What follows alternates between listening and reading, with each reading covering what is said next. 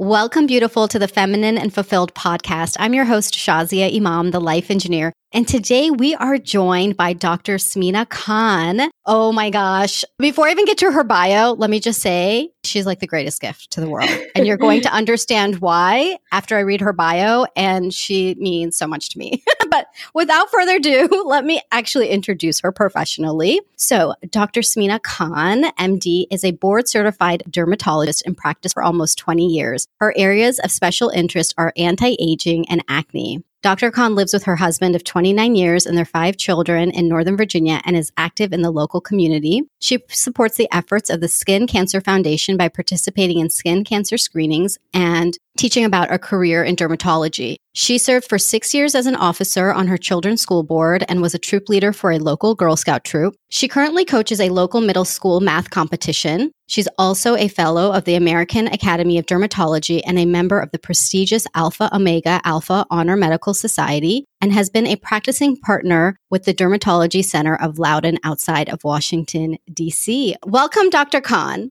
Thank you so much. Oh my gosh, I am so excited to be here, especially with that introduction, Shazia. well, you know I love you, and now the world gets to know you. So, Dr. Khan is my dermatologist. And if you haven't already listened to the episode I did on face, that was really inspired by how Dr. Khan has changed my life. And I'm so glad that she accepted this invitation to come on and share all of her knowledge and tips and secrets for you looking beautiful no matter what age. Oh my gosh, she's a miracle worker. So this is so exciting. And also, Dr. Khan, I want to acknowledge too that you also, as I read everything that you're doing, you are able to juggle so many things along with being a dermatologist. You're a great mom. You're part of the community. You're doing all of these things. How do you do it all? You know, I actually listened to that. I was wondering actually the same thing. You know what? I think the real answer is is we all just do what we can. I think we have to know what we can do, what is important, prioritize, say no to things, and somewhere in there just find time for yourself and only do things that really make you happy. Like, I love math. I love coaching math teams. It's really exciting for me. And so I say yes to that. There's stuff I just really don't like doing. And so I, I just don't do it. And I think I've learned with time that I only have 24 hours a day and I'm just going to make the best of it. Mm. And also, we all are different and you just can't be hard on yourself. I think every single woman is just doing the best she can. And that's kind of it. Wow. One of the most boss things I remember that totally showed me that you are a boss woman is I mm-hmm. remember asking you, it was one of the first times I met you. And I asked you after, like, you know, I learned about you and all the things you're doing. And I'm like, oh my gosh, you're like, you're superwoman. I want to learn from you. And I was like, Dr. Khan, would you be my mentor? and I remember you said no, like, just very plainly. Like, yeah, yes, and thank you.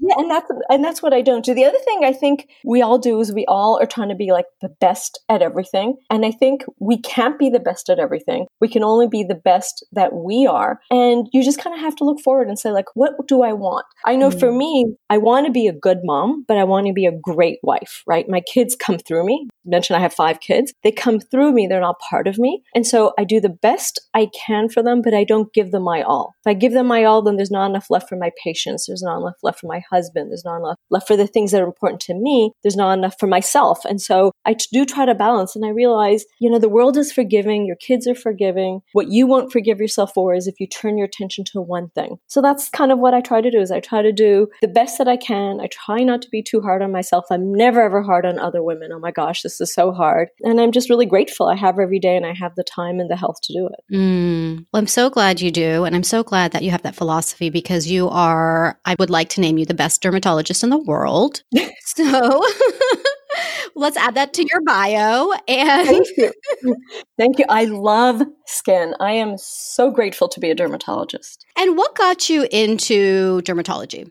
Okay, so that is actually a complicated story, and I'll try to give you the short version of it. But I was actually an internist. I grew up in Canada. My exposure to medicine was primary care only. So when I was a kid and said, I want to be a doctor, I thought of myself like a family doctor. So I went to medical school in the States in Miami. I had met my husband at that time, and everyone there said, You should be a dermatologist. And I don't know what it was about me that, that made them say that. I was like, No, I'm going to do primary care. So I actually did primary care. I was, uh, like I said, I was boarded as an internist And then during that time, I happened to have an experience in an ICU setting where I was the ICU doctor and these dermatologists came in and they diagnosed something that we couldn't. And I remember thinking, if they can walk in and they can look and they can diagnose just by looking, that's what I want. I want to pull away from needing tests and needing to, you know, get x rays and just be able to look and see. And I just thought it was the most amazing thing. So I essentially went back and did a second residency. So I'd say I mm-hmm. was an internist and now I'm an externist. And it is amazing to like close the door and look at someone and say, I know what you've got. You know, it was just such a fun thing. I've been doing this 20 years and I'm still so blessed to do what I do. It's so fun. Mm. Okay, so let's dive into skin, all things skin. And I think, you know, one of the things that I hear a lot is there are a lot of myths around skin. I just hear people having these very, very scared conversations around skin. And I would love to hear your perspective about the myths that you hear and what is the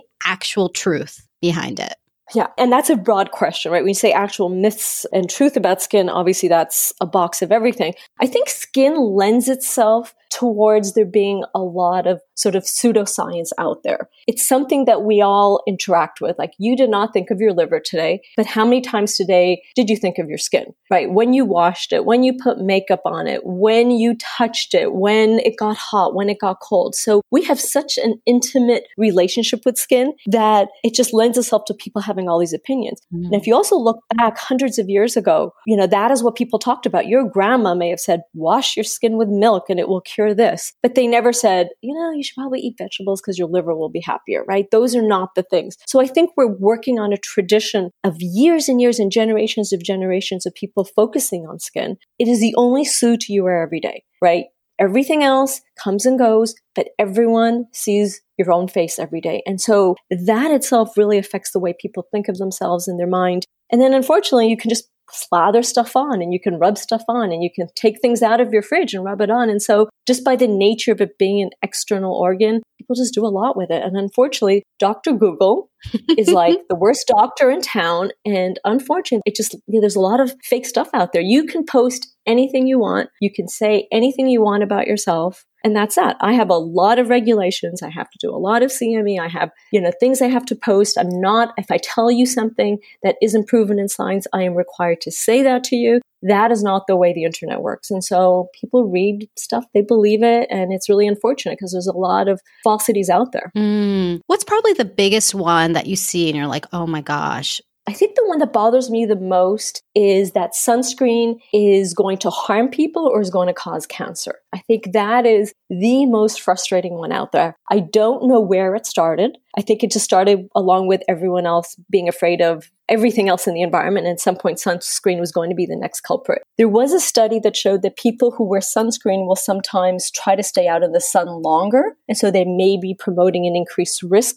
of sun exposure because they think that sunscreen is a shield and it mm. is not a mm. shield. But the strongest known carcinogen is UV radiation. So if you look at exposure to A causes cancer, we all think of tobacco, we think about Agent Orange, we think about things in our plastic. But if you think about exposure to a chemical causes cancer, the strongest known relationship is UV radiation. So everyone is afraid of their sunscreen, but they're not afraid of the strongest known carcinogen. And so it really frustrates me that people are always worried about their sunscreen. If I could take, and I am probably like a lot of the women listening to this, I am, you know, a product junkie. I have tried practically everything out there. I am constantly being given things to try. So there's very little out there that I have not tried. But if I could take one product for the rest of my life to a desert island, one and only one, it would be sunscreen. That would be the one product I cannot live without. I wash my face every day and sunscreen goes on. Even if it's Sunday and I'm doing nothing but laundry and reorganizing my storage room, I'm still going to have sunscreen. Mm. And is there a certain brand of sunscreen that you prefer?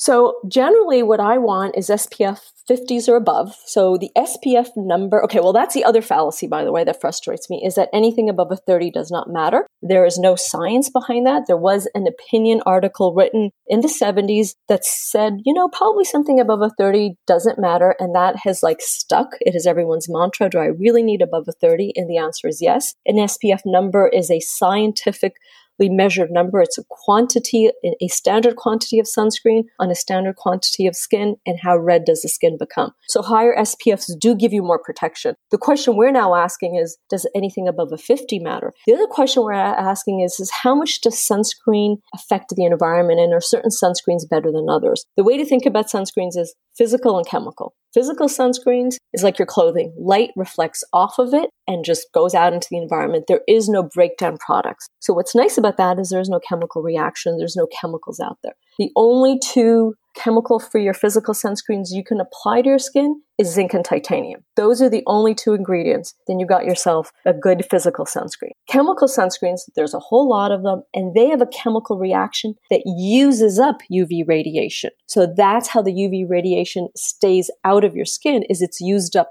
on the skin, but unfortunately, chemical byproducts are formed. So the advantages of a chemical sunscreen is they are very, very elegant. They're very lightweight. They can be serums. They can be liquids. They go on like silk in many cases. And so that's really nice. And you can really up your SPF. At the same time, the huge question mark we have is what are the side effects of having those chemical sunscreens out there in the environment and on yourself? If you'd asked me a year ago, I would say there is no science telling us that you absorb any of those chemical sunscreens. That changed three weeks ago when there was an article published that was able to detect tiny amounts of those chemical byproducts inside of the bloodstream. So we do absorb some of those chemical sunscreens and we don't know the long-term effects of that. It may be nothing. It may be harmful. We don't know. And so because of that, I definitely like people to know that when you apply a chemical sunscreen, it is a chemical. Physical sunscreens, the advantage is you don't get those chemicals, but the disadvantage is it's very hard to have anything above a 50 without being thick. And the other disadvantage is they reflect light. So if you've ever seen like a picture of someone who looked good, but then in your photos, they sort of have like this ghostly sheen mm-hmm. and you were like, mm-hmm. Her makeup looked good. What is that about? That was the flash reflecting off of her mineral free sunscreen. So generally what I do for myself is I'm moving more and more towards chemical free sunscreens as much as I can, especially when I'm applying it on my body. And of course, the best chemical free sunscreen is clothing. So hats, and cover ups. As much as you're willing to cover up, the better because you don't have to apply sunscreen to that area. It's much more protected. You can find a lot of really comfortable SPF protective clothing. There are now like swim shorts, swim capris, swim leggings if you're willing to wear those. That's that much less skin that you have to expose to sun and to sunscreen. So I definitely use those. And then I also tend to use the chemical free sunscreens if I'm going to be photographed. So if I'm going to an outdoor wedding, I will definitely expose myself to those chemical sunscreens because I don't want to have that whited out look. But if I'm just at the beach with my family, I may just use a mineral sunscreen. So I'm t- pushing people more towards mineral sunscreens and waiting for the science to finish and give us the verdict on what to do with those chemical sunscreens. How safe are there and what is the long-term effects of exposure to chemical sunscreens? What I do know is exposure to UV radiation absolutely causes aging and absolutely causes cancer. So not wearing my sunscreen is not an option. Oh my gosh. Okay. So question uh, just for clarity around the chemical versus the non. So the chemical is what we mostly see over the counter in terms of like maybe in like a little pump bottle or like the, you know, kind of more of like the lotion format, I don't know what the right word is, is a chemical sunscreen, a non chemical sunscreen or a mineral sunscreen, like in a stick? Like, how will you know the difference? So you will see the word mineral or physical on the container. So they come in a range. There is a lot of mineral sprays. There is a lot of mineral lotions, mineral gels, mineral mm. creams, even mineral powders. Some of the sunscreen foundations, for example, are mineral foundations. They've got a tint. They've got that mineral free SPF in them, as well as sometimes even some anti-aging. So every form that you think of also has a mineral form. The key is to look at it. There's two things you want to do is see the word mineral or physical on it, flip the container around and look at the active ingredients. The only two you should see is zinc and titanium. That's all. Wow. Okay. Great. Okay. I'm going to have to go get some new sunscreen, it sounds. Yes. Because I've been using the EltaMD, which I love, but I believe that's chemical based. So EltaMD has some physical sunscreens as well. So you want to take a look at that. Okay. I love that brand. Okay. So number one tip is sunscreen daily lots of sunscreen every day. And remember, UV radiation, UVA passes through windows, so it's there in your car, it's there in your house, so sunscreen every day. Okay, so let's talk about this anti aging because, of course, skin issues can vary on a lot of things, but let's really talk about what matters. Looking fabulous. Okay. so. well, looking fabulous translates to feeling fabulous. So it really is important, actually. Yes. So, what is your recommendation around anti aging and also any myths around anti aging that we can dispel? Oh my gosh, the myths are like so huge, I don't even know where to go with that. But one of the things that I see that I am trying to change is people feeling guilty for wanting to look better. Mm. So people will often be like, Am I vain? And I'm like, Well, we all are vain, right? Vanity is a normal emotion, just like everything else. The key is as long as it has a healthy place. If we have a normal concern for our appearance, then it's fine. If we have a lack of concern, that's not normal. And if we have too much concern, that's not normal. So the first thing is, is I think we should, as women, accept that we care about how we look, and that is okay as long as we keep it in its healthy place, as long as it is not becoming a dysfunction and taking over other aspects of our life. The other thing is a number of studies were done showing that people who do certain cosmetic procedures, but now it's extended to almost every cosmetic procedure, generally will have a lower score on the depression scale. So there's a universal depression scale. They will generally find that their interpersonal relationships are better. And I think that's because we feel better, we feel more confident, but people also interpret our facial expressions in a different way. So if I'm always looking angry, my husband may be like, Why are you always angry every time I talk to you? And that long term is going to erode a relationship. But if my face looks and feels more relaxed, it positively affects my relationship with other people. So I think people need to realize that taking care of yourself isn't just about how you look, it truly is how you feel. And your brain is not an outwards only device, it goes both ways. So your brain interprets yourself. If you feel really bad about yourself, you're going to make your brain feel worse and then your expressions are going to be worse. So what you put out and put in is a constant feedback back and forth. So I think women should not be hard on themselves if they care and realize we all care. The key is keeping it in a healthy place. And that's where having good friends comes in. That's where having a good doctor comes in who helps to kind of keep it real for you. Who'll tell you, look, that's not something you should be considering and who will say no to you for procedures. If you ask for a procedure and your doctor says yes every time, then you know they're not really caring about what is the best thing for you. Okay, so I'm laughing to myself a bit because just recently there was a conversation in um, a group chat I'm in, and somebody had asked about you in particular. And, and so they asked the group, they're like, you know, does anybody go see Dr. Khan? and it was almost like everybody was silent for a moment, but it was literally at least half the group, if not more, who were already seeing you. But there's almost a hesitation to even share or to talk about it openly because even when you use the word procedure, I think everybody starts thinking about like Joan Rivers or these extreme cases we've seen of people who have had so many procedures or those TLC shows where it's like botched up surgeries. And I think that there's almost this feeling of when you hear the word procedure, it's just so scary. And it's like, don't even go down that road. I think it's a tough thing because there's also, I think, a generational gap. Like, I think younger people would openly say yes. I think the problem is, is the second question you would follow that up with is, well, what did you do there? Right. And that is a tough thing because if you said, I went to see my GYN yesterday, I would never say, so what did you get? Did you get a PAP? Did you get an IUD? We don't do mm-hmm. that. Right. But when you say, I went to see my dermatologist, they're like, oh, did you do Botox? What'd you get? Oh, and so I think that's part of the problem is, is that we don't want to necessarily open that up. And I respect that. Uh, when people say to me, I don't want to tell my friends I'm doing this, first thing I say is, you don't have to tell anyone you're doing this. There's no difference in this than any of your other protected medical information. So I think that is a tough one. But again, we feel somehow like skin being that external organ, we can just ask people about it. The other thing is that I think we still carry a stigma, whether it's a stigma that we've carried from our parents or from our upbringing, that doing something like that means that you're too vain, mm-hmm. you know, vain mm-hmm. in quotations again. It carries that negative thing. Whereas the younger generation, when I'm talking about the girls in their early 20s, a lot of them are like, hey, this procedure is out there. If I'm having someone who's trained to do it and I am a good candidate and it makes me feel better about myself, why not? So I think there is that shift. And so I definitely notice the younger girls totally talk about it with each other. And then sort of the girls that are 30 or over are sort of a little quiet about it. I think the other thing is if you are doing any cosmetic procedure, again in quotes, whether it's Botox or fillers or even just skincare, a lot of us don't want to tell other people. And I tell people like 85% of people aren't even telling their spouse that they do this. So if you're not telling your spouse because you just don't want him to know for whatever reason. It's hard to tell your friends. My husband, of course, knows that I do all kinds of things to make myself look better, but I don't talk about it with him. And the reason is, is when he looks at me, I want him to be like, my wife is beautiful, not she's beautiful because there's her peel and there's her Botox and there's this and there's that. So there's so many reasons people don't talk about it. So I don't judge if someone doesn't want to talk about it. One of the things that I often tell people is you say,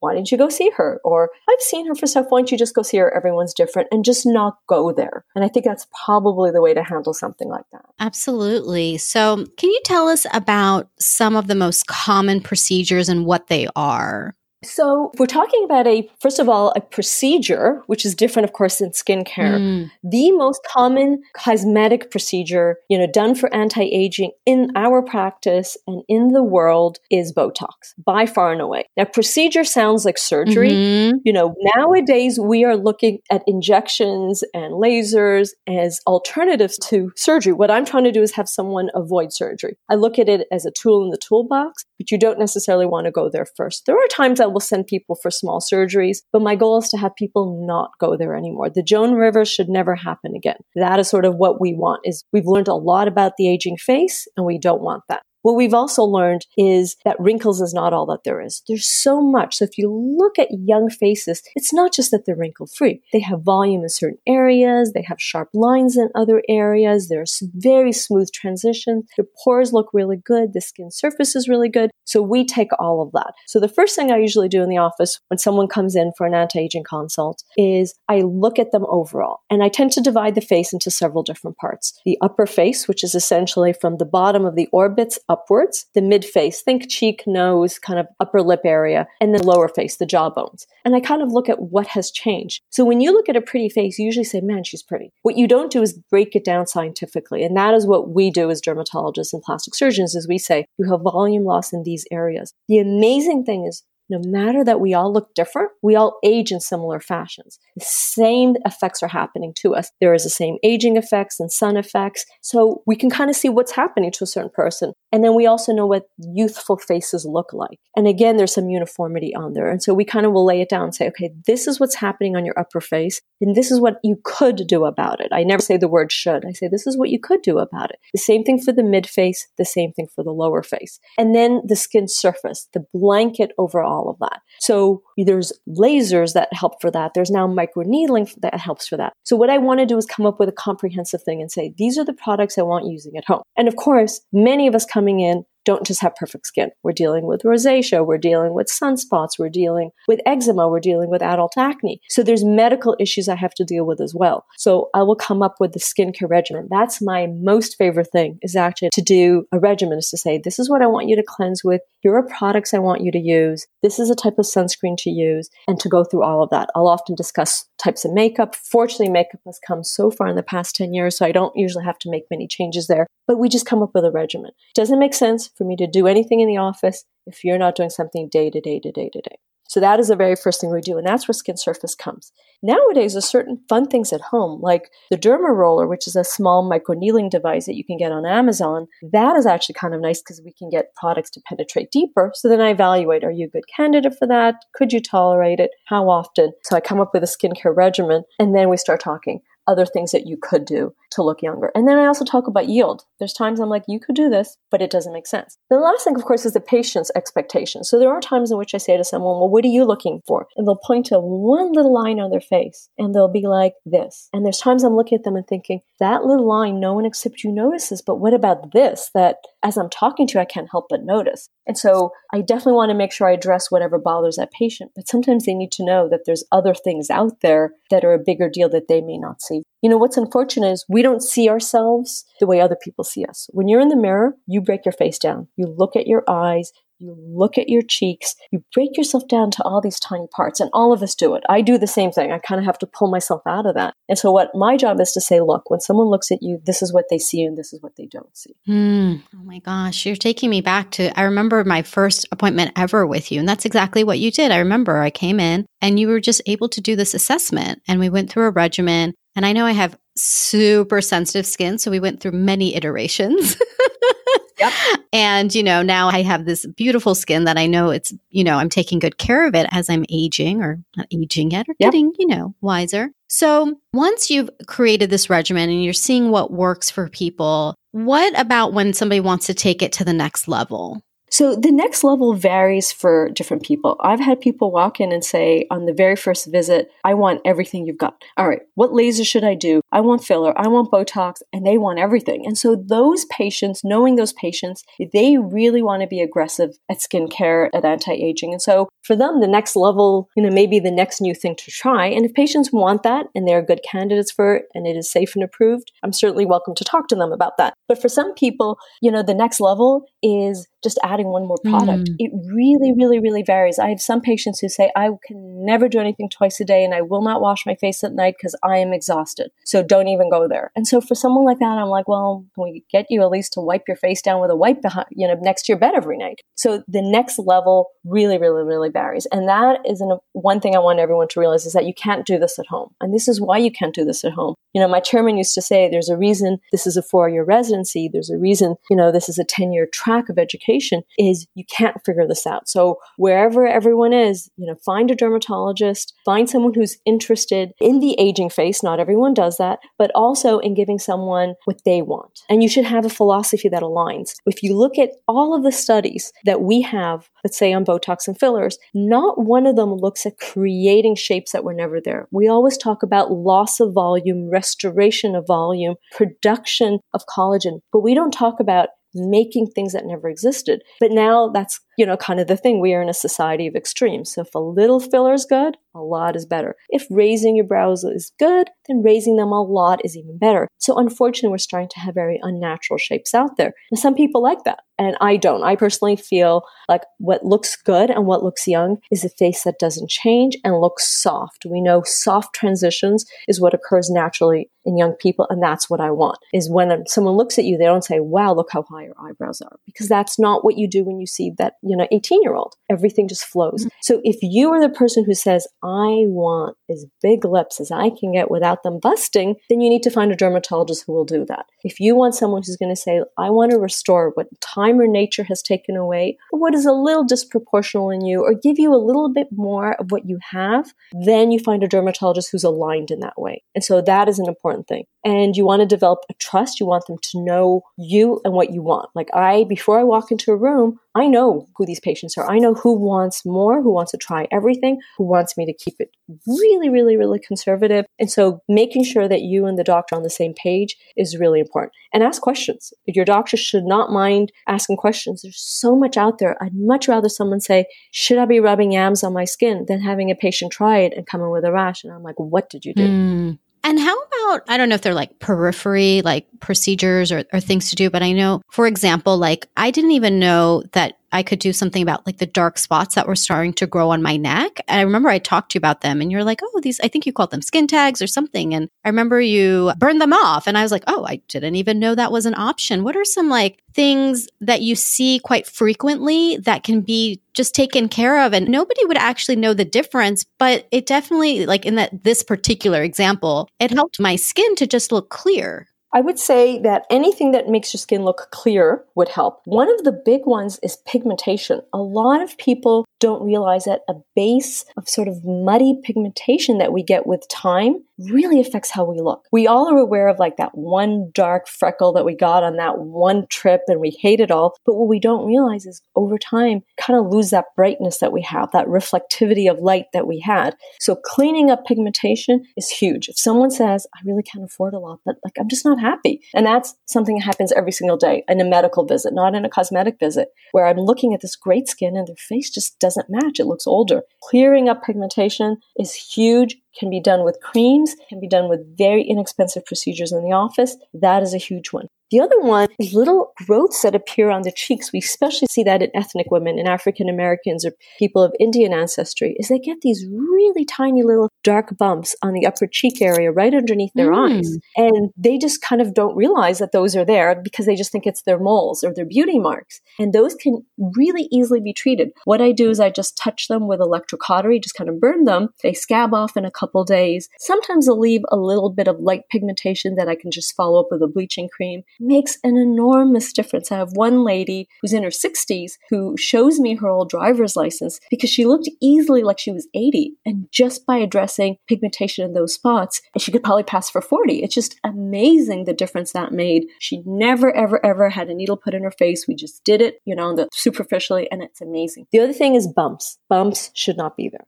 bumps mess up your face. You become used to them, but they really shouldn't be there. And we, unfortunately, become bumpy. We get seborrheic keratoses, which are benign pigmented growths, especially around the hairline. Our mm-hmm. oil glands grow, and we get these yellow little crater like bumps, especially on the forehead and cheek areas. Sometimes moles that were under the skin will start to grow. We get those little brown spots I mentioned on the cheeks. Over time, we tend to become slowly bumpy. Getting rid of those, having a dermatologist burn them, freeze them, cut them, just smooth them out makes an incredible difference. It's like the palette for everything else. Then light will reflect off of your skin, your makeup will go on well, and there's nothing distracting. When I look at your eyes, I'm going to see your eyes. I'm not going to be following at all these different bumps that, are, that take away from that. Mm. I almost feel like as you're speaking, I'm like, you know, our faces and our skin are such a beautiful palette. It, it's just the things you're sharing. And what I love is it's just tweaking some things and just making you look more radiant, look more beautiful, smooth. I mean, I just, I find this to be a long lost secret that I didn't know about until I met you. I would have never thought to take care of my skin at this level before I met you because everything before that was talking to friends and getting their advice and what face wash do you use? And oh, that's a good mask and, you know, I used to cleanse my skin with just with jojoba oil. And, you know, I mean,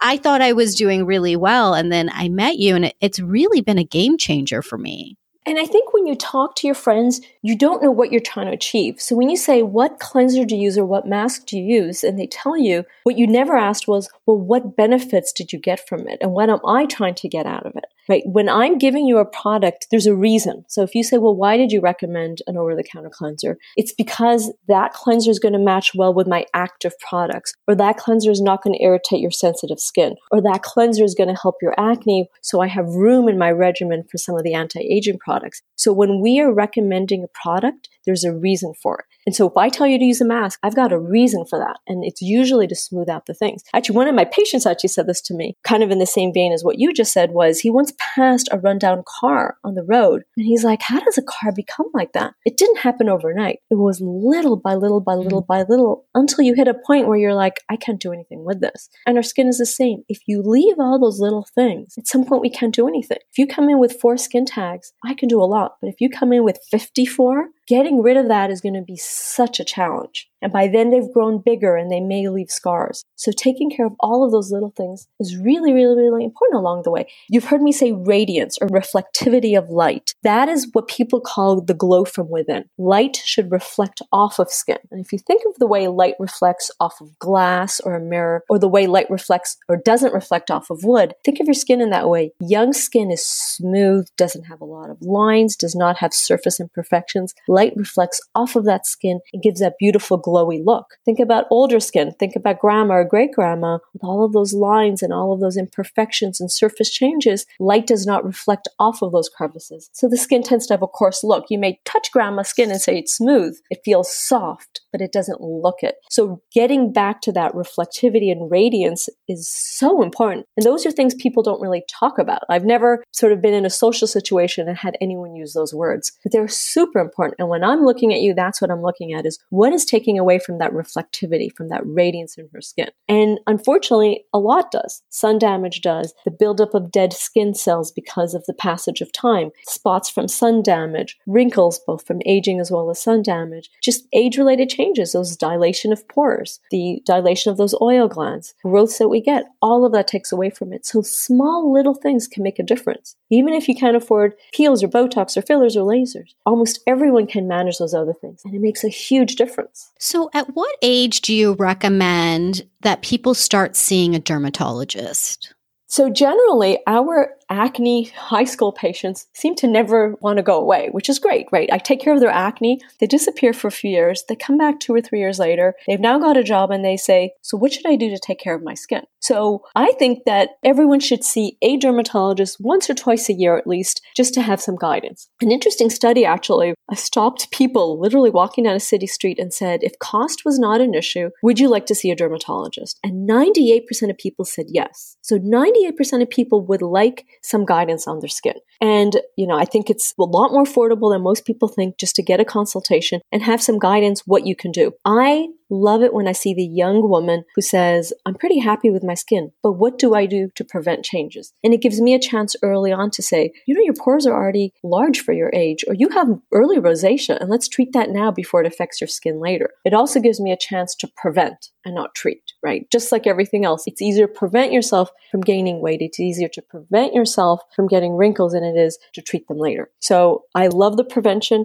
I would say the shift I'm seeing is it used to be 33, 34 would be when the woman would walk in. That's probably when, you know, and again, I'm almost 50 in my generation. We were in our 30s when we were starting to think about it. I'm starting to see the mid 20s come in, and I think it's a great Wow. Yeah, that is great because I'm in my late 30s now, and I'm just starting to hear the conversations happening if people haven't already been seeing you or another dermatologist. And it's because they're seeing their face changing. Yeah, and if you could sort of be the fly on the wall amongst a similar group to the women you're in, but take them back 10 years, you'll probably find the same conversations happening now. Yes. You're right. Yeah, they're ahead of it now. Yeah, it's amazing. And it's something we've seen the shift in the practice. Five years ago, I didn't see that as much. Mm. So it's really, I think, a great thing that they're much more aware and they want the help. I also think women in their 30s and beyond will try stuff on their own more than the younger women will. And maybe it's related to that stigma of I don't want to see a dermatologist or I don't want to admit to myself or other people that I care enough to go in, which, you know, makes no sense, right? As women, we totally should care about ourselves. We're so busy caring for everyone else. We absolutely should guilt free take care of ourselves. There's something in us that says, oh, it's not that important. But the younger women don't have that. The younger women are like, I'm going to take care of myself. And I think it's great. That's beautiful. I mean, I've definitely become so much more open to about, you know, even when you were sharing the story about your, you know, your husband may know you're doing things, but you don't really talk to him. I remember I had done a peel. I love getting my peels from you. And I was trying not to tell my husband because, you know, I was trying to like just keep it like on the DL. Then he's like, baby, like what's happening to your skin? Because it was like literally peeling. And I'm like, oh. And then I just told him, and he's like, you know, that's good that you're doing it. And that almost gave me the permission. Now I don't hide out when I get a peel because I tell people, and it's an opportunity to really share with people, like, here's something that you can do. I mean, I find peels to be a beautiful way, at least for my skin tone. I do have the hyperpigmentation, I do get that dullness, and I love how I, I just get this fresh skin and I haven't had any adverse effects. And, you know, I really want to encourage other women to feel beautiful because, like you said, when we feel beautiful, it affects everything. So there's nothing wrong with it. I love what you shared about shifting from feeling like it's vain. It's not vain. It's this beautiful body and skin that we've been given. Why not take the best care of it that we can? Absolutely. And the problem is the word. You know, the word vain has such a negative connotation. So I think it's a linguistic problem. If we had a word, you know, that didn't sound so bad or didn't mean so bad, maybe we would be better at it. I don't know if any other language or culture has a word that is positive when you care about yourself and take care of yourself. But it's unfortunate we're stuck with this word. And, you know, it really, I think, harms a lot of people. I agree because people are at home feeling down on themselves. You know, I mean, our exterior, we spend a lot of time focused on it. Society spends all this time focused on it. And then on the flip side, we're taught to not be quote unquote vain or not think too much about it. But yet, let's just be honest. I mean, who doesn't want to look more beautiful, feel more beautiful, and just go for it? Go to the expert. I mean, that's what I really like to share with people. And my mom, even, it's really funny. She also, you know, I told her about the peel because I was staying with her and she saw. And at first, she's like, a beta, which means child. She's like, don't do these things to your skin. And, you know, it's not good. And then now that she's been seeing it for a while, she's like, um, how can I go see Dr. Khan? Absolutely. And that's the thing. All of us, all women care, and we should care, right? We care so much about other people. And I think self care does not take away about caring for other people, mm-hmm. right? We mm-hmm. should care about our families, we should care about our friends, our communities, the world, but we should also care about ourselves. Absolutely. Right? What do they tell you to do on an airplane? They tell you to put on your own mask first, right? Before you put one on someone else. So I think there's an important message in Absolutely. That. So, any final recommendations that you would have for people listening? So I would say make an appointment with a dermatologist who has an interest in skin care. Not all dermatologists do. Some of them really like to take care of diseases and cancers. So make sure the dermatologist you see has an interest in skin care. In general, women dermatologists have a little bit more of an interest. I've had a lot of patients come to me after seeing men who said, go use any cleanser you want, just use a sunscreen, and never gave them guidance beyond that. So in general, women will give you a little bit more specific guidance where sunscreen every single day. There's so many options out there. Find a sunscreen that works for you. Many places, Target, Sephora, Ulta will take back products that you've opened. So try a product, you like it, go for it. You decide yourself if you want mineral versus chemical. Again, there is no right answer. My personal feeling is the shift is a little towards mineral, but the science is still out 100% on that. Find a product you will use every day. Do it every single day. You brush your teeth every day, put on your sunscreen every single day. Find products that do multiple things moisturizers and sunscreens, or tinted sunscreen so you can forget that tinted moisturizer step. So find a way to work this in if you can tolerate it, think about hmm. retinoids. Mm. Retinoids are vitamin A containing products. Best ones are prescription, so your dermatologist can help in that regard. But there are some over the counter ones, retinol in particular. And retinol is effective, not as effective as prescription, but it definitely is a great start point that help to exfoliate and stimulate collagen production. And then find out what's right for you. If your dermatologist recommends Botox, have a conversation. Don't just jump in. You should make sure you understand what it is, make sure you communicate what your expectations are. Make sure they're willing to talk through what you can expect through the procedure and then try it. You know, if it's for you, go ahead and try it. If you don't like it, you don't have to do it again. And just don't be hard on yourself for caring about how you look. You know, it's part of everything else that we do for ourselves. It's part of the clothes we wear. It's part of brushing your teeth and combing your hair. It's just part of maintenance and taking care of yourself. Absolutely. And you were talking earlier about we don't talk about eating vegetables, even though it's really good for us. I kind of liken skin care maintenance to eating really really good vegetables. I mean, it's and I talk a lot about in the office when I'm talking about inflammatory diseases or anti-aging. I do ask, so tell me about your diet because it does make a difference. One secret that I'm talking about a lot more in the office is oral vitamin A. You can get oral vitamin A on Amazon. I think you're writing this down probably now, but you can get oral vitamin A supplements on Amazon as long as you are not pregnant or trying to get pregnant, it is a great option that helps to do a little bit of what retinol does. It kind of smooths out the skin a little bit. So I've been doing that for myself as I get older and I've been recommending to a lot of my patients. Wow. Yes. I have to order that now. Thank you. Yeah. As long as you're not trying to get pregnant, it's a great choice. Mm, okay. Well, this was so helpful. Dr. Khan, I really appreciate you sharing and being so open and giving all of these great recommendations. And what do you recommend in terms of somebody connecting either to a dermatologist in their area? I know you're already fully booked out, but if they wanted to connect yeah. with a dermatologist in their area or maybe connect with resources that would be helpful, what do you recommend? So I would say the best way to find a dermatologist is by asking. Ask a trusted friend or neighbor. You know, it's really hard online to choose a dermatologist that way because you really, again, want someone who aligns with what you do. You don't just want to find someone who does a lot of a procedure because it may not be the best procedure for you and you want someone who's going to tell you that. So I think word of mouth is the best. Ask your neighbor, ask your friends, whisper in the ear and say, I won't tell anyone, but can you recommend a dermatologist? Otherwise, the American Academy of Dermatology is a resource that helps you to find dermatologists. It won't necessarily tell you what exactly someone's interest is, but it will help you to find a board certified dermatologist. Now, if somebody is saying out there who lives in the DC area that they would really, really, really like to see you, Dr. Khan, and they're a friend of mine because they are a listener of this podcast, is there any way for them to see you? We can figure that out on a case by case. Okay. And what is the link to your particular practice? Because I know that there's other physicians there as well too. Yes. So it's www.dermloudoun, that's D E R M L O U D O U N dot com. Great. Well, thank you so much for joining again today, Dr. Khan. I can't wait until I see you at my next visit because you're part of my every single trip. I'm like, I must see Dr. Khan. I am looking forward to it. Thanks again. Of course. Thank you. All right. Bye. Oh, and one last thing before I forget, I wanted to give you a really special gift because how could I not? I actually have a list of my favorite things that make me feel feminine and fulfilled. And I would love for you to have it so that you can grab whatever you want from the list. So if you want to see my list of my favorite things, go to thelifeengineer.com slash favorite. And it is a full list of all of the things that I love and all the links for you to grab them. So that's thelifeengineer.com slash favorite. And I just had to give you a gift, beautiful, because um you deserve a fabulous gift. And why not all of the most favorite things to make you feel feminine and fulfilled? Okay, love you.